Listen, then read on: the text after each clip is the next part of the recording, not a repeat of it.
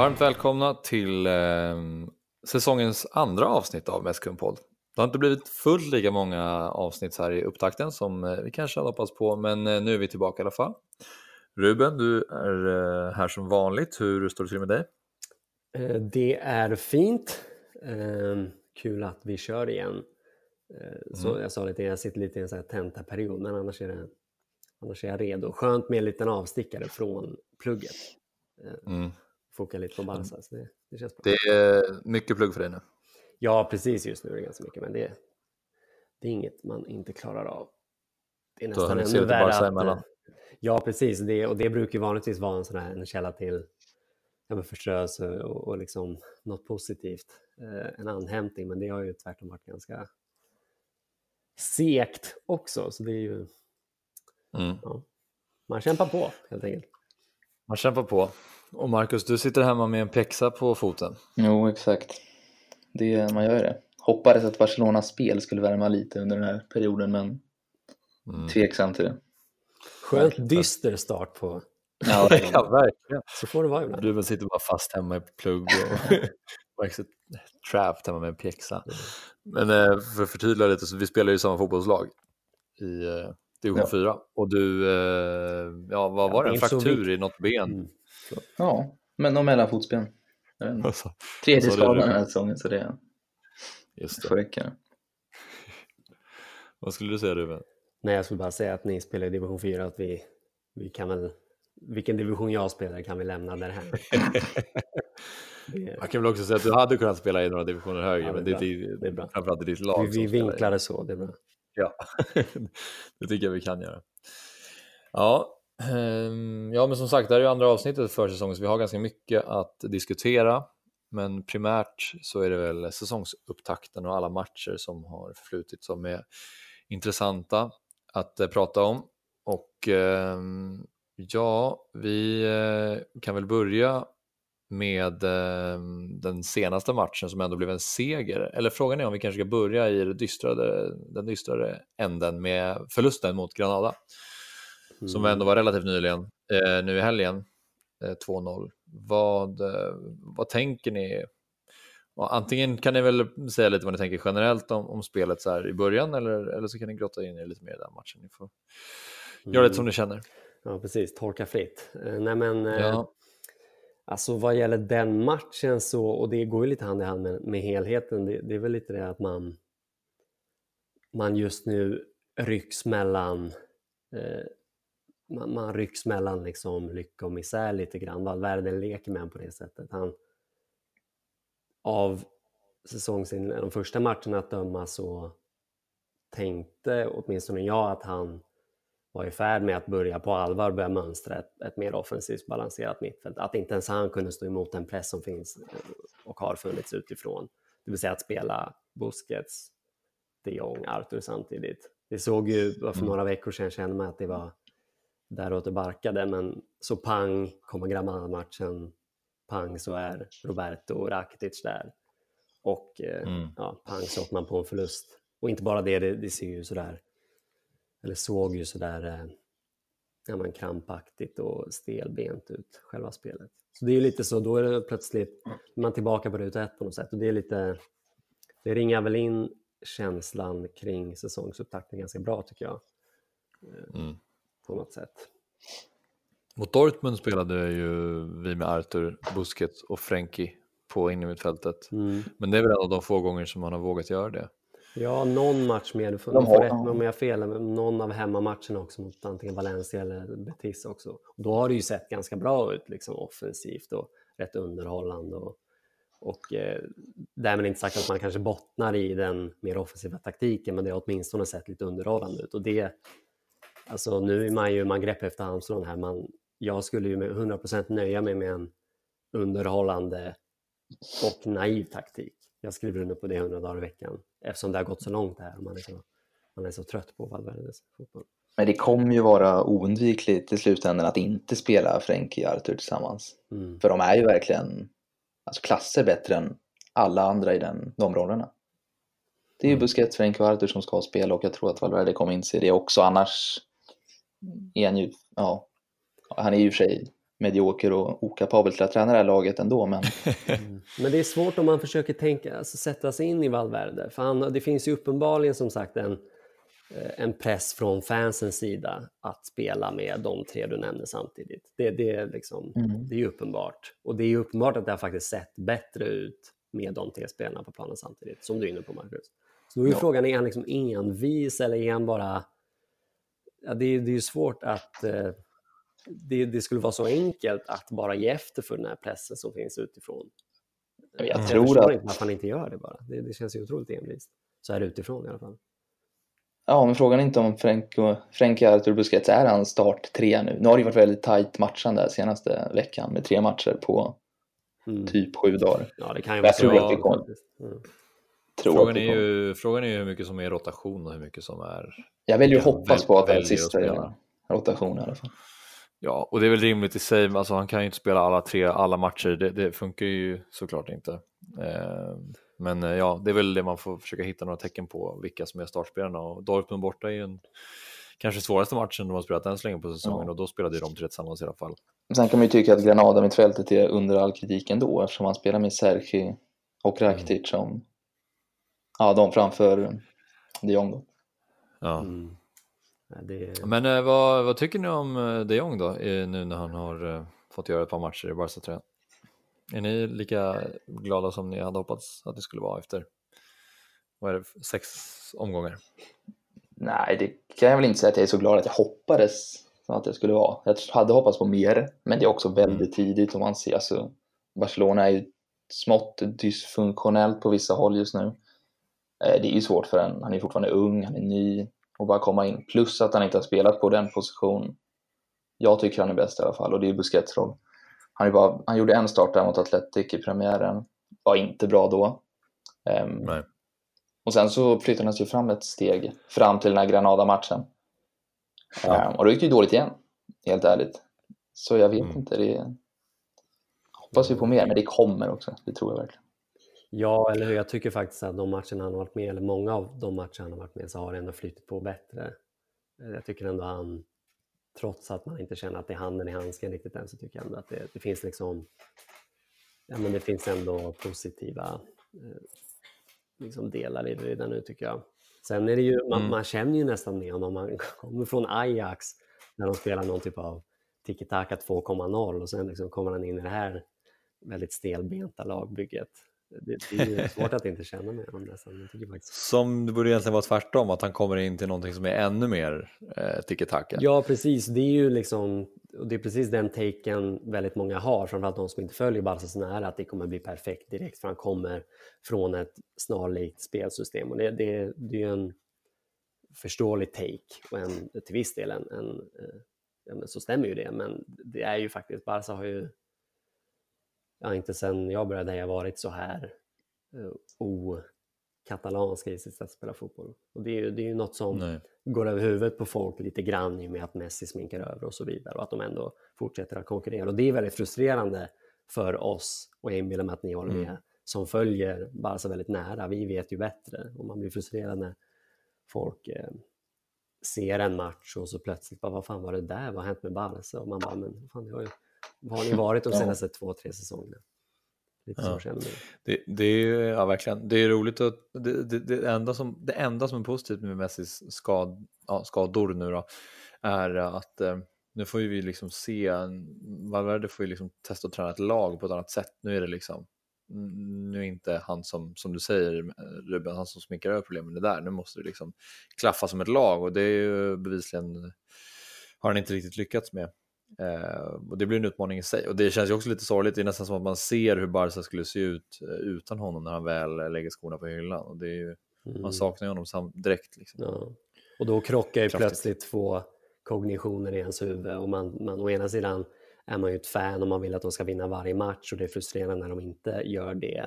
Men samtidigt vet man att det klubben skulle behöva mer än något annat ur ett långsiktigt perspektiv är ju att men proppen går ur lite grann, att det, det faktiskt, att det, korthuset faller ihop på riktigt och att resultaten börjar eh, rimma med prestationerna lite mer.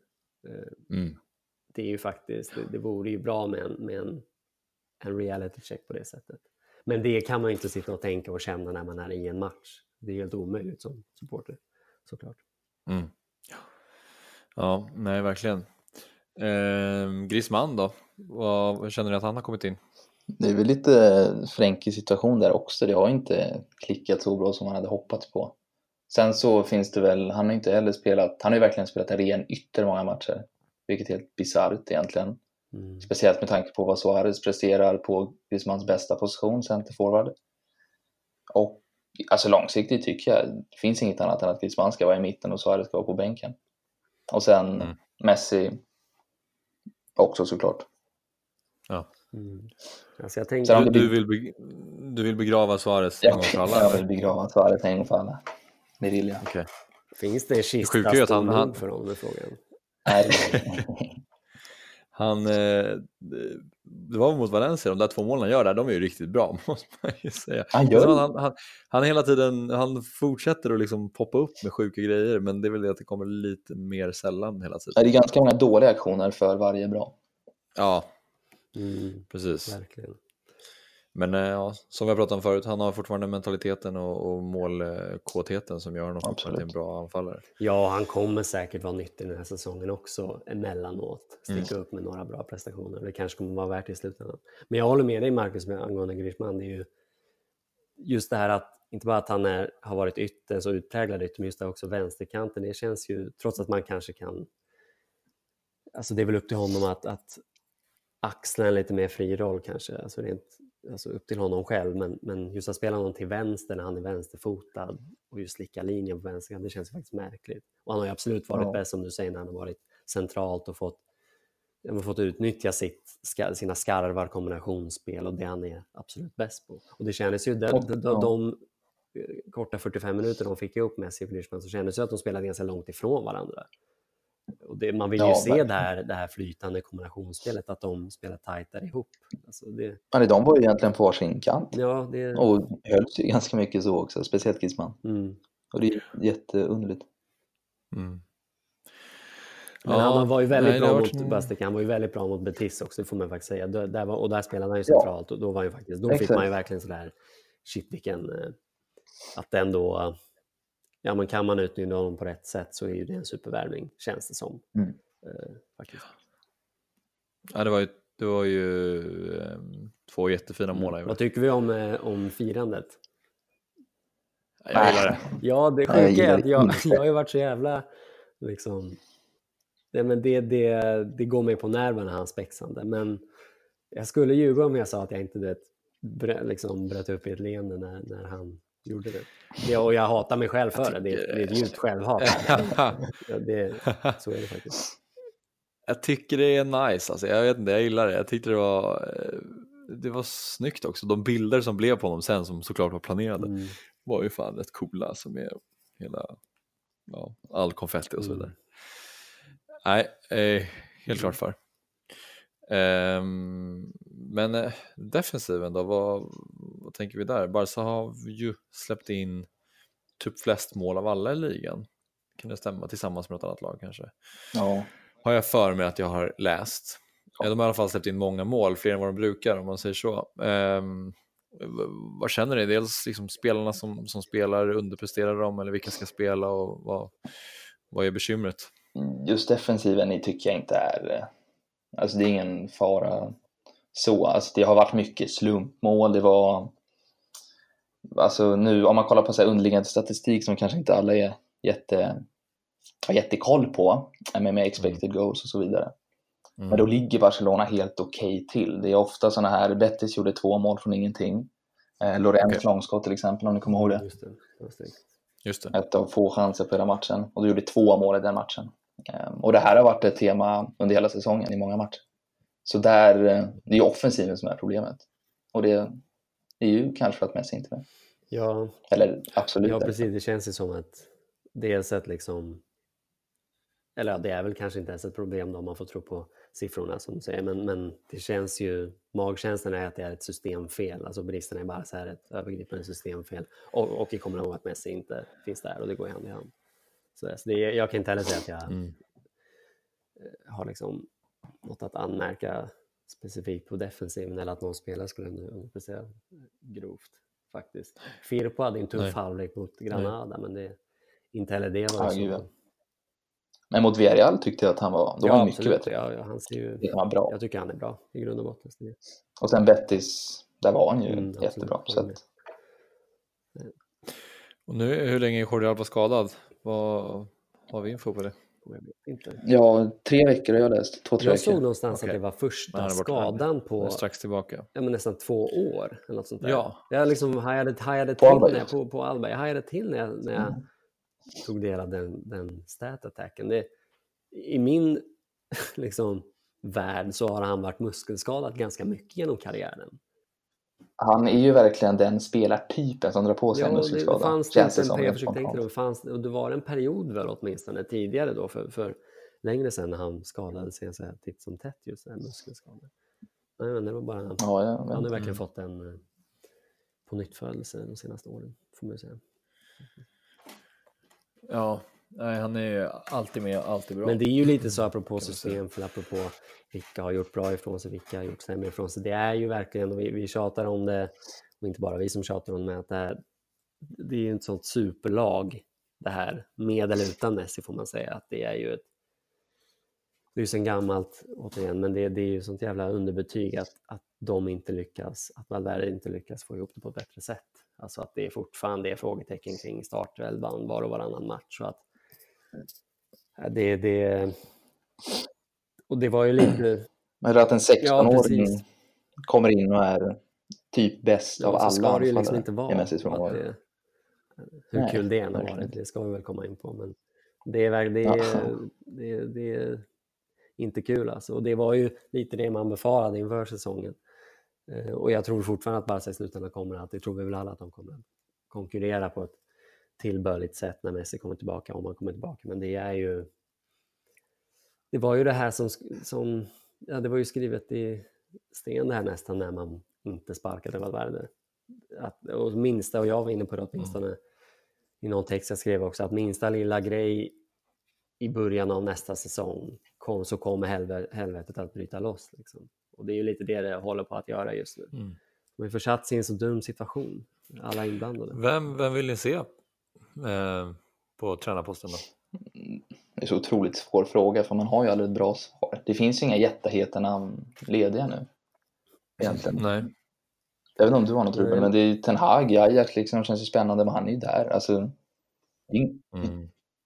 Ja, alltså precis. Men jag tycker man får skilja lite på, på liksom, eh, interimtränare är fel ord, men liksom övergångstränare och nästa. För det är ändå, gängs uppfattning är ju ändå, ni får rätt mig om, jag, om ni tycker jag är fel på det här, men att, att snart så ska nästa stora filosof komma. Liksom. Vare sig det är Valdes eller Xavi eller någon som, det är på gång, det puttrar under ytan lite grann. Eh, Men det kan ju ta flera år till dess. Det vet vi faktiskt inte, eller några år i alla fall. Och då är frågan, och ja, men Valverde kan ju inte vara kvar till dess. Så det är en, det är en mer akut fråga. Han måste ju bort Det här är Och sista kommer ju, alltså, om inte den här säsongen, ja det är ju absolut Ja. det, hur den går nästan på något sätt. Så då är frågan, vem kan vara den här interimtränaren i Mm. brist på bättre ord? Och då, folk bollar ju upp då liksom Wenger ibland som ett Mm. alternativ. Och jag kan tycka, jag har liksom inte jättemycket till övers Han har väl lämnat som- tränaryrket också? va? som interim... Ja, alltså jag tror han, han är nog... Jag tror att han skulle vara Mm, sugen okej, om jag ja. tolkat honom rätt i intervjuer. Men jag tror någon, någon typ av som... Det skulle ju, förutsatt att klubben, att det är en sorts väntelek i, alltså en väntan på den rätta nya tränaren med stor T, så skulle jag kunna tänka mig en sån typ av tränare som inte kommer att skapa under, men som är Mm. bättre på att jag menar, en bra social tränare som, som befinner sig närmare Barcas DNA åtminstone än vad Valverde Fan, jag hade gillat Wenger i Barca måste jag säga. Ja, det, det är något där. Det finns något där. Det känns ju... Ja, det, det, det, det enda problemet, bara, bara- problemet med Arsenal att han inte lyckades med dem var ju bara för att han hade inte tillräckligt bra trupp. Han hade alltid en bra trupp men aldrig en supertrupp. I Barca så får han ju en supertrupp och då vet man fan inte vad som skulle kunna hända. Liksom. Ja, sen kan jag tycka, ja, det var ju också, jag tror inte han riktigt, jag tror han gick bort sig lite när han försökte imitera Guardiola. Jag, tror inte han riktigt, jag tycker inte han riktigt bottnade i den taktiken. sen kan det ju göra med spelmaterial, för du har ju rätt i Mm. sak Axel. Men, men det, det skulle ju vara, när man har bättre spelarmaterial så behöver han skulle kanske inte behöva bottna i det riktigt. Nej. Eftersom man bara skulle vara där en kort tid. Och det, alltså man är ju så svältfödd på någon som är lite mer idealist. Ja. Bra! Ja, Wenger är rätt svar. Nej, men jag men, eh, han tog väl något eh, så här, sportchef på Fifa eller något toppjobb inom, eh, eller på EF eller något sånt, alltså inom någon organisation. Ja, men fan var det? Ja, det går ju att googla på utan problem. Men, men eh, jag tror att han kanske har lagt tränarskorna på hyllan, men det är lite oklart. Samtidigt om Barca kommer och säger att de vill ha honom så kanske han eh, ångrar sig. Mm. Eller Janne Andersson. Oj. Uff, party. party. Han hade förmodligen spelat mer offensiv fotboll än Val- Valverde. Då. Ja, men typ. Alltså. Men Ansu Fati då? Ska vi eh, prata lite om honom? Ja. Mm. Han, är- han är bra. Topp top tre. Exakt. Vad det jag skulle fråga. Var går han in? Mm. Messi, Ronaldo, men det, sen? Ja, precis. Nej, men han ser ju eh, grym ut, tycker jag. Och han ser så mogen ut i spelet. Det, det är ju faktiskt eh, det är svårt och det är ju inte rättvist att hålla på och jämföra honom- med Dembélé. Det känns som en sökt, en ansträngd jämförelse. Men han, han, har ju mycket, han tycks ju ha mycket av det som Dembélé inte har haft. Sen är ju Dembélé bättre än Ansu Fati. Liksom. Det tycker inte jag det råder någon tvekan om, så, men såklart. Men, eh, han har ju väldigt, eh, och då börjar jag tänka på det, hur mycket handlar det om skolningen i La Masia eller är han bara en exceptionell talang? Det är svårt att veta. Men han har ju väldigt mycket av det här funktionella. Utöver att han är också rätt spetsig Mm. eh, faktiskt. Och kvick och bra en mot en. Så, så han ser ju... Och det är ju så jävla häftigt med... Alltså man sitter ju verkligen, när han byts in så sitter man ju faktiskt, man följer honom. Man får lite hjärtklappning nästan när han får bollen. Man vill att, alltså det är ju, sånt där är viktigt ur ett supporterperspektiv. Att, att få den typen av spelare, Ja, det var- Det, det är värt. Exceptionellt psyke verkligen, den här mentaliteten. Alltså han verkar inte vara, det ser ut som en seniorspelare, en elitspelare som känner att fan, jag kommer komma förbi den här backen. Och jag kommer göra det igen om jag misslyckas. Det spelar ingen roll att Suarez står och skriker på mig när jag tappar boll varje gång. Han är helt orädd och det är så otroligt imponerande. Sen också, han, eh, han är ju bara 16 och kom till Barca när han var 11 tror jag. Eh, Men han bröt ju smalbenet eh, och tappade ett år av sin utveckling i stort sett när han var 12-13. Och ändå lyckas han springa förbi alla ungdomslag upp i A-laget snabbare än någon annan. Så det säger väl något väldigt mycket om alltså, hur otrolig han är. Det hade ingen aning om. Fan vad, vad. Hade ni koll på honom eh, innan i år? Ja, jag hade det. Mm. Vad, Ja, alltså koll, jag då det inte bara hans namn hade fladdrat var. förbi? Ja, för det är ju några i i det där juvenil, alltså han den här, och nu får ni hjälpa mig med namnet här, någon, någon något ex, något, eh, en annan ung eh, svart kille som, är, som verkar väldigt duktig, som har så just liknande spelstil som Exakt. Dembélé, som den lite klipp har florerat i, på Twitter. och. Okej. Nu, nu, Jag har också tappat namnet. det finns några väldigt duktiga spelare där, han, och Ansu Fati har ju varit en av Mm. dem. Så, så Det sjuka med Ansu är också att han hoppade ju över B-laget. Han blev ju uppflyttad till den här säsongen tror jag. Men han Ja. aldrig debutera innan han blev uppkallad till A-laget. Mm. Så det är också fascinerande att han, de väljer honom just. Mm. Men jag håller med, man undrar vad som försiggår i hans huvud. Alltså han, han, att kunna ta det med sånt jämnmod och inte och, och kunna växa med uppgiften. Det är ju, man blir ju spännande. Man skulle vilja liksom kunna titta in i hans huvud Ja. och- För det är ju nästan så att man, man eller jag börjar tänka att så, här, är det någon sorts enfald bara? Alltså är han, är det, finns det inget där? Är han bara... Men ju Hyfsat taskigt. självförtroende. Det, ja, det är verkligen. Ja, nej, men för mig, jag, inte, jag hade inte stenkoll på honom. Jag har också sett hans namn bara kanske någonting, men jag har absolut ingen koll på eh, vilken typ av spelare han var. Och eh, just då i... När var det han fick hoppa in första matchen? Var det mot Betis? Ja, eller? Betis. Det var Betis. Ja, precis, för då satt han på bänken. Och då reagerade jag på hans namn på bänken och bara, "Ja, men kul att han fick sitta på bänken i alla fall, känna på det lite typ. Och eh, sen, så, sen dess så har han verkligen bara, ja, det, det, har blivit, det är ju lite sensationsartat nästan. Mm. Men eh, ja. Om man skulle sätta in honom i i ett perspektiv då på med unga talanger, för nu har vi ändå varit med ett tag, börjar gamla grabbar. Ja. Så, vilka har man? Andy Bojan var ju med, Munir kom in. De har man ju sett. Men jag, jag, tycker, jag tycker liksom, Munir var, var jag väldigt snabb, med för att låta väldigt efterklokare så att han inte skulle bli. Jag tyckte aldrig han såg särskilt bra Nej, jag tycker inte det. Bojan tyckte jag ändå hade någonting, men inte heller där. Liksom. Jag tycker att Fatih ser bättre ut än vad Bojan gjorde mot Ja, det håller jag med om. jag. Han, ja. Större register. Kan ju göra väldigt mycket på en plan. Ja, han är spetsigare Ja. på något sätt samtidigt som han är Men sen har ju folk börjat sådär med Messi, Messi säger han vem var och det där är han ju inte. Alltså, eller Det är ju ett hån mot Messi. Ja, Messi såg man ju faktiskt direkt att, alltså du minns den här, eller ni minns den här Gamper-matchen mot Juventus han spelade. Man såg ju bara, och det var inte ens hans allra första match, han debuterade ju. Mm, man, dessförinnan, alltså, men- Nej, verkligen. Ja. Men då såg man bara, shit det här är en spelare som, det här är något annat. Alltså, riktigt eh, den känslan har man ju inte med. Nej. Och man såg det på medspelarnas reaktioner också. När de, de, ja. det, var, ja, det, han, han, ja, det går inte att jämföra riktigt. Nej.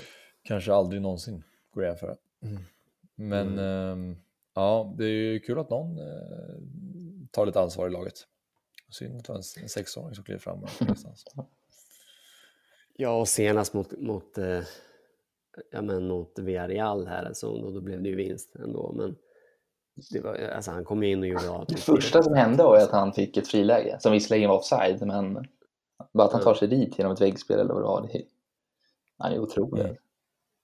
Ja, vissa spelare har ju, har ju den där förmågan att det, det händer grejer kring Mm. dem. Alltså det, är ju, det handlar ju om det fotbollsmässiga såklart, men det är nästan som att det finns något kosmiskt där. Att det, det bara situationer uppstår kring dem. Mm. Och det var också kontrasten mellan, mellan Fatih och Suarez var ju så.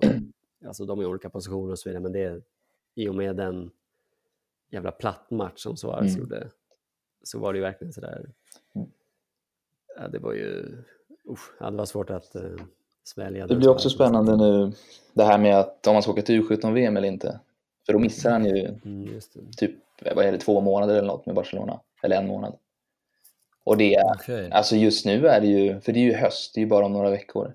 Och just nu, alltså Barcelona mår ju inte bra som lag av att släppa honom. Han behövs ju nu, helt ärligt.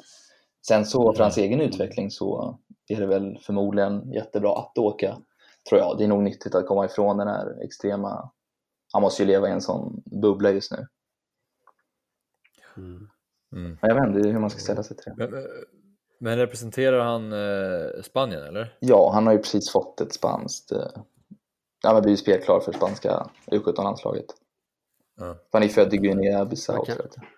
Ja. Mm. ja. Man kanske kan hoppa, alltså, och det man får väl hålla i hatten lite, men det vore, jag tror du har rätt Magnus, det vore kanske bäst om man, man tog det, alltså tar ett steg i Mm. taget så att säga. Men annars kanske, vi har läst någon rubrik åtminstone med att han kanske kan, att förbundet eventuellt föredrar att han hoppar direkt till U21 och på, det, på den vägen skulle kunna då spela med i Barca. Okej, ja. det, skulle, det skulle vara ett sätt. Liksom. Men det är, ju, det är ju troligtvis ett lite för stort steg. Alltså hur bra han än ser ut. Ja. Mm. Och kanske ett misstag för hans egen del. Men det skulle ju lösa den problematiken i alla fall. För jag håller med, nu känns han ju plötsligt eh, viktig. ja, alltså nästa match som Messi är borta, då... Jag tycker Ansu ska starta. Jag spelar inte heller Carles Perez och Suarez Griezmann liksom. Det är ju Ansu och Suarez Griezmann typ. Och och för sig tillbaka, ja. Det är ju det. Men man vet det. Ja, det är ju sant. ja, exakt. Jag tänkte komma in på det med Dembele. Att eh, han är tillbaka helt enkelt. Ja. Va- Ska, är, han, är han given nu eller? Han, han, går, han kommer ju gå före Fatt i hierarkin, men ska han göra det? ja, men det tycker jag ändå. Ja, det tycker jag också faktiskt. Det, eller det vore ju fan magstarkt. att, att, att, jag bara tänker, hur fan ska killen klara av det? Alltså bete en 16-åring. Det känns inte... Det känns ju faktiskt helt sjukt. Ja. Och, och sen tycker jag han såg ganska bra ut mot Villarreal. Mm. Han har en... Han var bra eh, hela halvleken, tycker jag. Ändå, Mm. Eller ganska bra i alla fall. Mm. Men han har ett ögonblick när han... Och jag, jag minns inte vilken ytterback han mötte. Det är möjligt att det var en jättelångsam stabbig back. Men han har ett ögonblick när han bara sparkar springrykte förbi. Och alltså han är ju så snabb och det är ju sen gammalt men när man ser det bara, hans ryck, det är ju fan det sjukaste man har sett. Mm. Alltså han är så fruktansvärt snabb. Eh, det är Ja, det. Tottenham-målet förra säsongen är ett annat exempel. Ja, Just det, helt. Ja, Och det är varje gång man ser det så bara Ja. tappar man haken nästan. Mm. Så, det går så jävla fort. det- det- Och ja, men det är klart att han ska spela. Det enda bekymret jag har med Dembélé är ju det att det känns inte som att han riktigt själv vet vad han är på väg någonstans eller vad han har för plan. Typ samma som vi pratade om att Delofeo har, det, är liksom, det går lite för snabbt för honom själv ibland. Så Mm. det finns ju där, men han vet inte själv hur han ska hantera det riktigt, sin talang och sin snabbhet. Det känns som ett bekymmer för honom, men förhoppningsvis kanske det kommer med åldern lite. Ja, det och, och samma sak, den här lite, de enklare sakerna rent tekniskt är han ju fortfarande... Ja. Det finns ju ganska mycket att slipa bort. Mm. Och det går ju hand i hand med det du säger lite. Det. Men eh, Carles Perez då? Ja, Vad har ni för feeling? den är väl inte jättebra. Eller alltså, den, han har ju gjort det bra, men jag tror inte på han i längden som Barcelona-spelare. Han blir nog inom mitten slash bottengäng i Spanien till slut. Mm. En La Liga-karriär, men jag tror inte att han är en truppspelare i Barcelona. Vad- fan vad deppigt.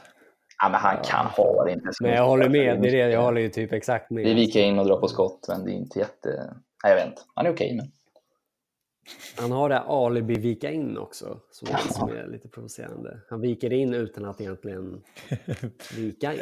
Alltså han, han liksom gör aldrig på riktigt. Lite som, eh, eh, och inga jämförelser i övrigt, men som Ronaldinho hade efter Ronaldinho blev fet. Han liksom vek in nästan baklänges, alltså, utan att komma någon vart. Liksom. Och för att sen bara, Ronaldinho kunde göra en genial djupledsboll. Det kan inte Perez göra, men det finns något verkligen där. Det kommer ingen vart. Mm. Men sen har ju man han har gjort det bra sett för, alltså, omständigheterna, sett till förutsättningarna faktiskt.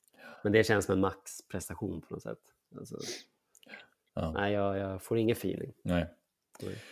Eh, Messi, hur länge är han borta nu? Nu Ska, alltså, det var, något, det var en, mer av en säkerhetsåtgärd att han gick ut i halvtid. Ja, jag vet inte om det kommer något officiellt. Jag såg någon så här, skräckrapport i något Jo, men det kom en... eh, De, de, alltså de, som vanligt när det är Messi Mm. eller någon annan sån högprofilerad så skriver de att, att åt, alltså, eh, comebacken är avhängigt hans eh, alltså, återhämtning. Mm.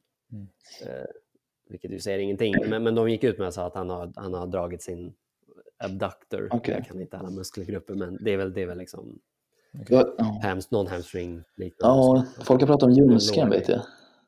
Ja, men det, är- det, är- det är inte det tror jag den här Det är gången. inte det. okej. Nej, det är, det är hamstring, lår, inre lårgrej, Ja, ja, om jag förstod det rätt. Eh, vi får väl se. Jag, Och det är eh, väl sådär, folk pratar, ska han vara eventuellt tillbaka till Inter? Kanske inte ens det. Och kanske siktar man på landslagsuppehållet efter Sevilla-matchen. Ja, då spelar jag inte i helgen i alla fall. Nej. Nej, det verkar vara... Och det känns ju sådär, Getafe. Getafe borta, inte svinkul. Mm. Ja. Men eh, ja, eh, jag googlade upp det för övrigt bara angående Wenger. Han, eh, han eh, ska, det, eller det ryktas om det inte är klart. Han har skrivit ska på. Vara, han har skrivit på, exakt. Det är nytt, exakt, det kom exakt nu. Nej, tek, teknisk direktör eh, på Fifa. Och där Lager står det att han, han, eh, hans, ar- eh, hans arbetsuppgifter är bland annat att föreslå förbättringar för tränares villkor. Eh, och erbjuda råd kring andra omgångar som, områden som direkt påverkar hur spelet ska spelas. Men det verkar, det är inte bekräftat än. Ja, men det är väl där han ska hamna i alla fall. Och han, Men han fyller ju apropå- 70 för övrigt nu i oktober tydligen, så att han är. Ja, han är så gammal alltså.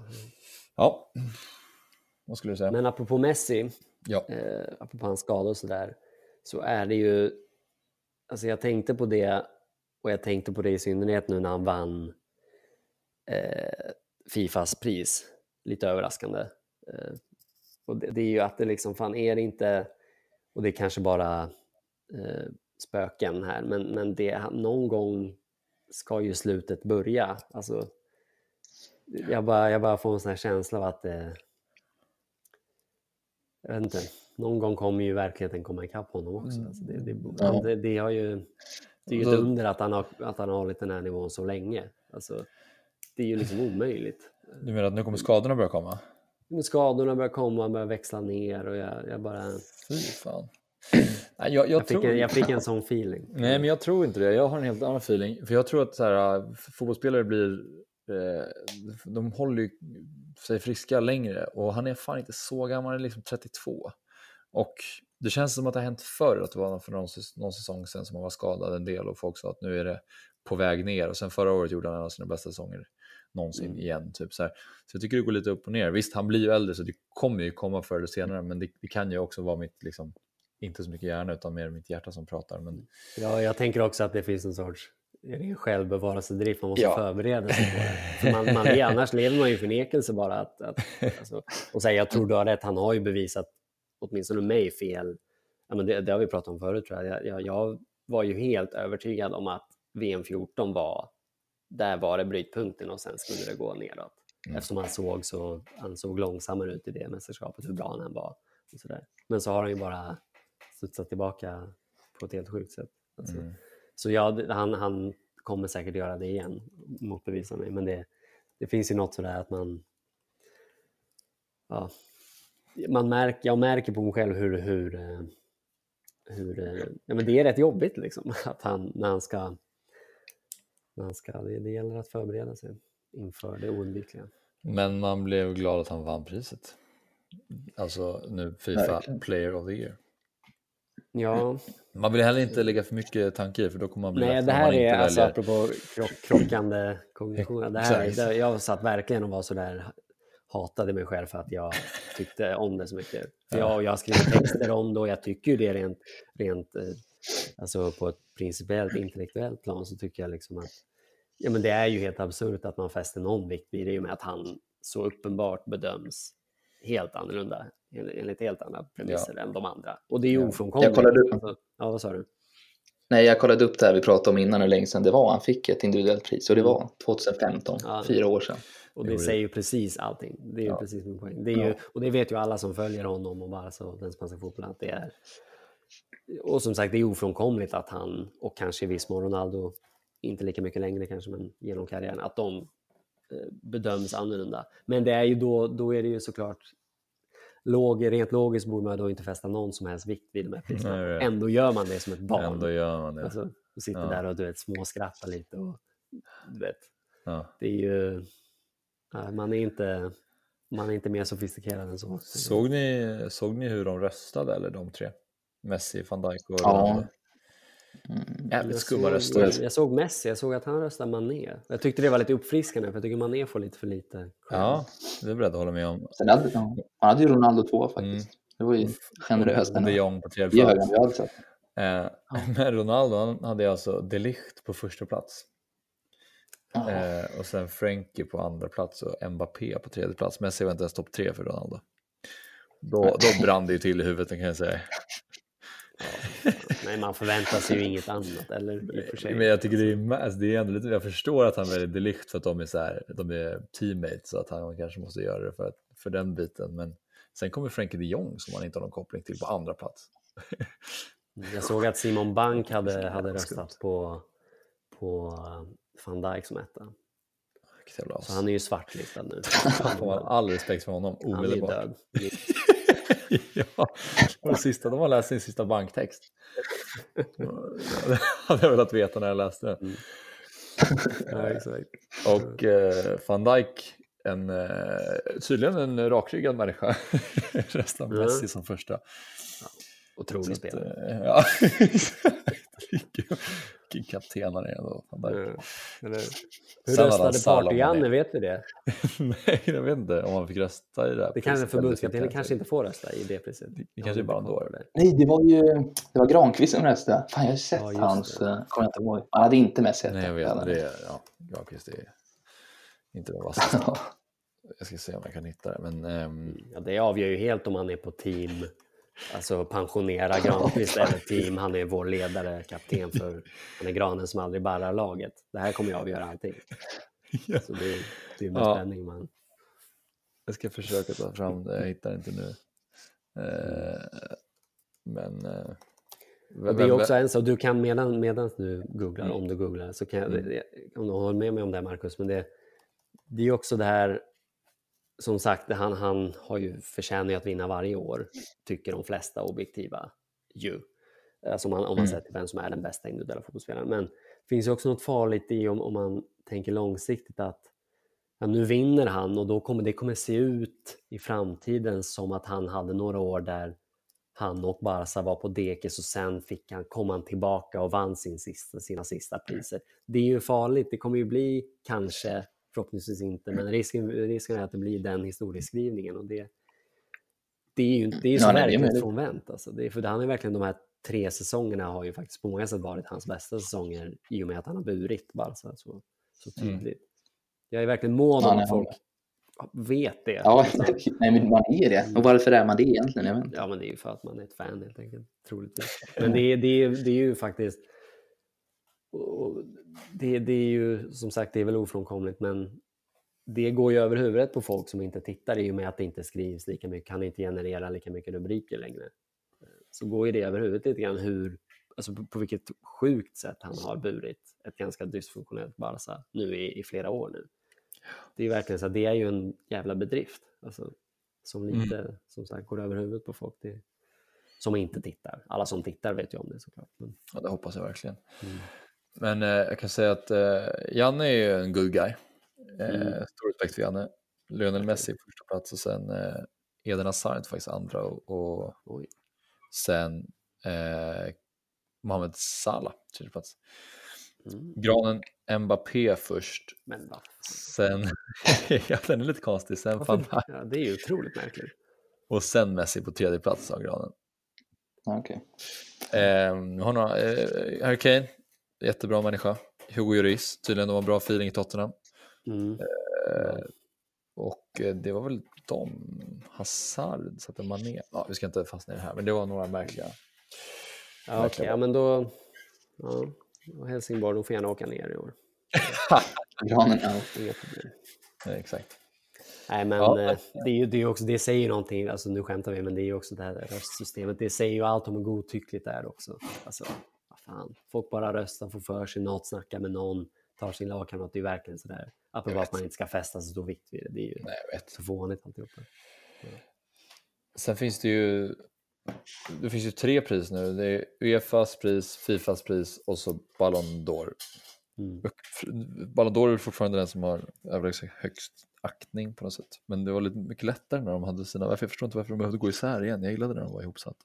Ja, verkligen. Ja, vi lämnar dem där, eh, priserna. Vad tror ni om eh, eh framtiden då? Eh, Getafe borta, Inter hemma, Sevilla hemma. Ganska knepiga matcher och utan en Messi, i alla fall förmodligen mot Getafe. Om, säg att det blir liksom ja, fyra poäng, hur länge, alltså nu måste väl Valverde börja få lite fart på det här, annars så, när börjar han hänga lös tror ni? Liksom? Det tror jag ska ganska mycket till. Ja. Alltså det ska gå åt helvete verkligen för att han ska alltså ens vara aktuell för att ryka och det gör det inte med det här materialet. Alltså då, det kan verkligen inte, det tror jag inte kan, kan hända. Nej. Um, så jag tror vi får se Valverde i Barcelona hela säsongen, det tror jag. Oh, ja. Jag fattar. Mm. Nej, men det är väl, så är det nog. Alltså. Det känns som att han presterar precis lagom för att det inte ska vara fullständig Ja. kris hela tiden. Mm. Alltså det är ändå så här, det, det kommer lite segrar och sen kommer det bottennapp och så Man exakt. slack och sen så, ja, så vinner de med 5-2 mot Valencia eller mot Betis eller vad som helst. Liksom. Och Messi kommer ju alltså, troligtvis, Lösa ja, han kommer ju tillbaka och då kommer det att det kommer bli som det har varit. Det, det, är ju, och det finns ju något tråkigt med det, att, att, eller något väldigt ospännande, jag tror vi pratade om det när vi, i förra avsnittet när vi pratade om inför säsongen känslan, att det, ingångsvärden är ju typ precis likadana. Alltså, det, det finns något tråkigt i det. Att, att det, Ja, det är väldigt platt. Ja, det Det är, inget. apropå, och vi skriver ju lite texter om det ibland och surrar om det och det är nästan det blir nästan svårt att hitta nya vinklar alltså, för det är verkligen så här, ja, Ja. man har skrivit det förut, man har sagt det förut, man, Ja, det, det är så här det är och har varit ett tag. Det är lite tråkigt faktiskt. ja, ja, väldigt mycket så. Mm. Ja, men vi kanske ska börja runda av. Mm. Vad säger ni? Har ni någonting mer som ni känner att ni vill eh, lyfta?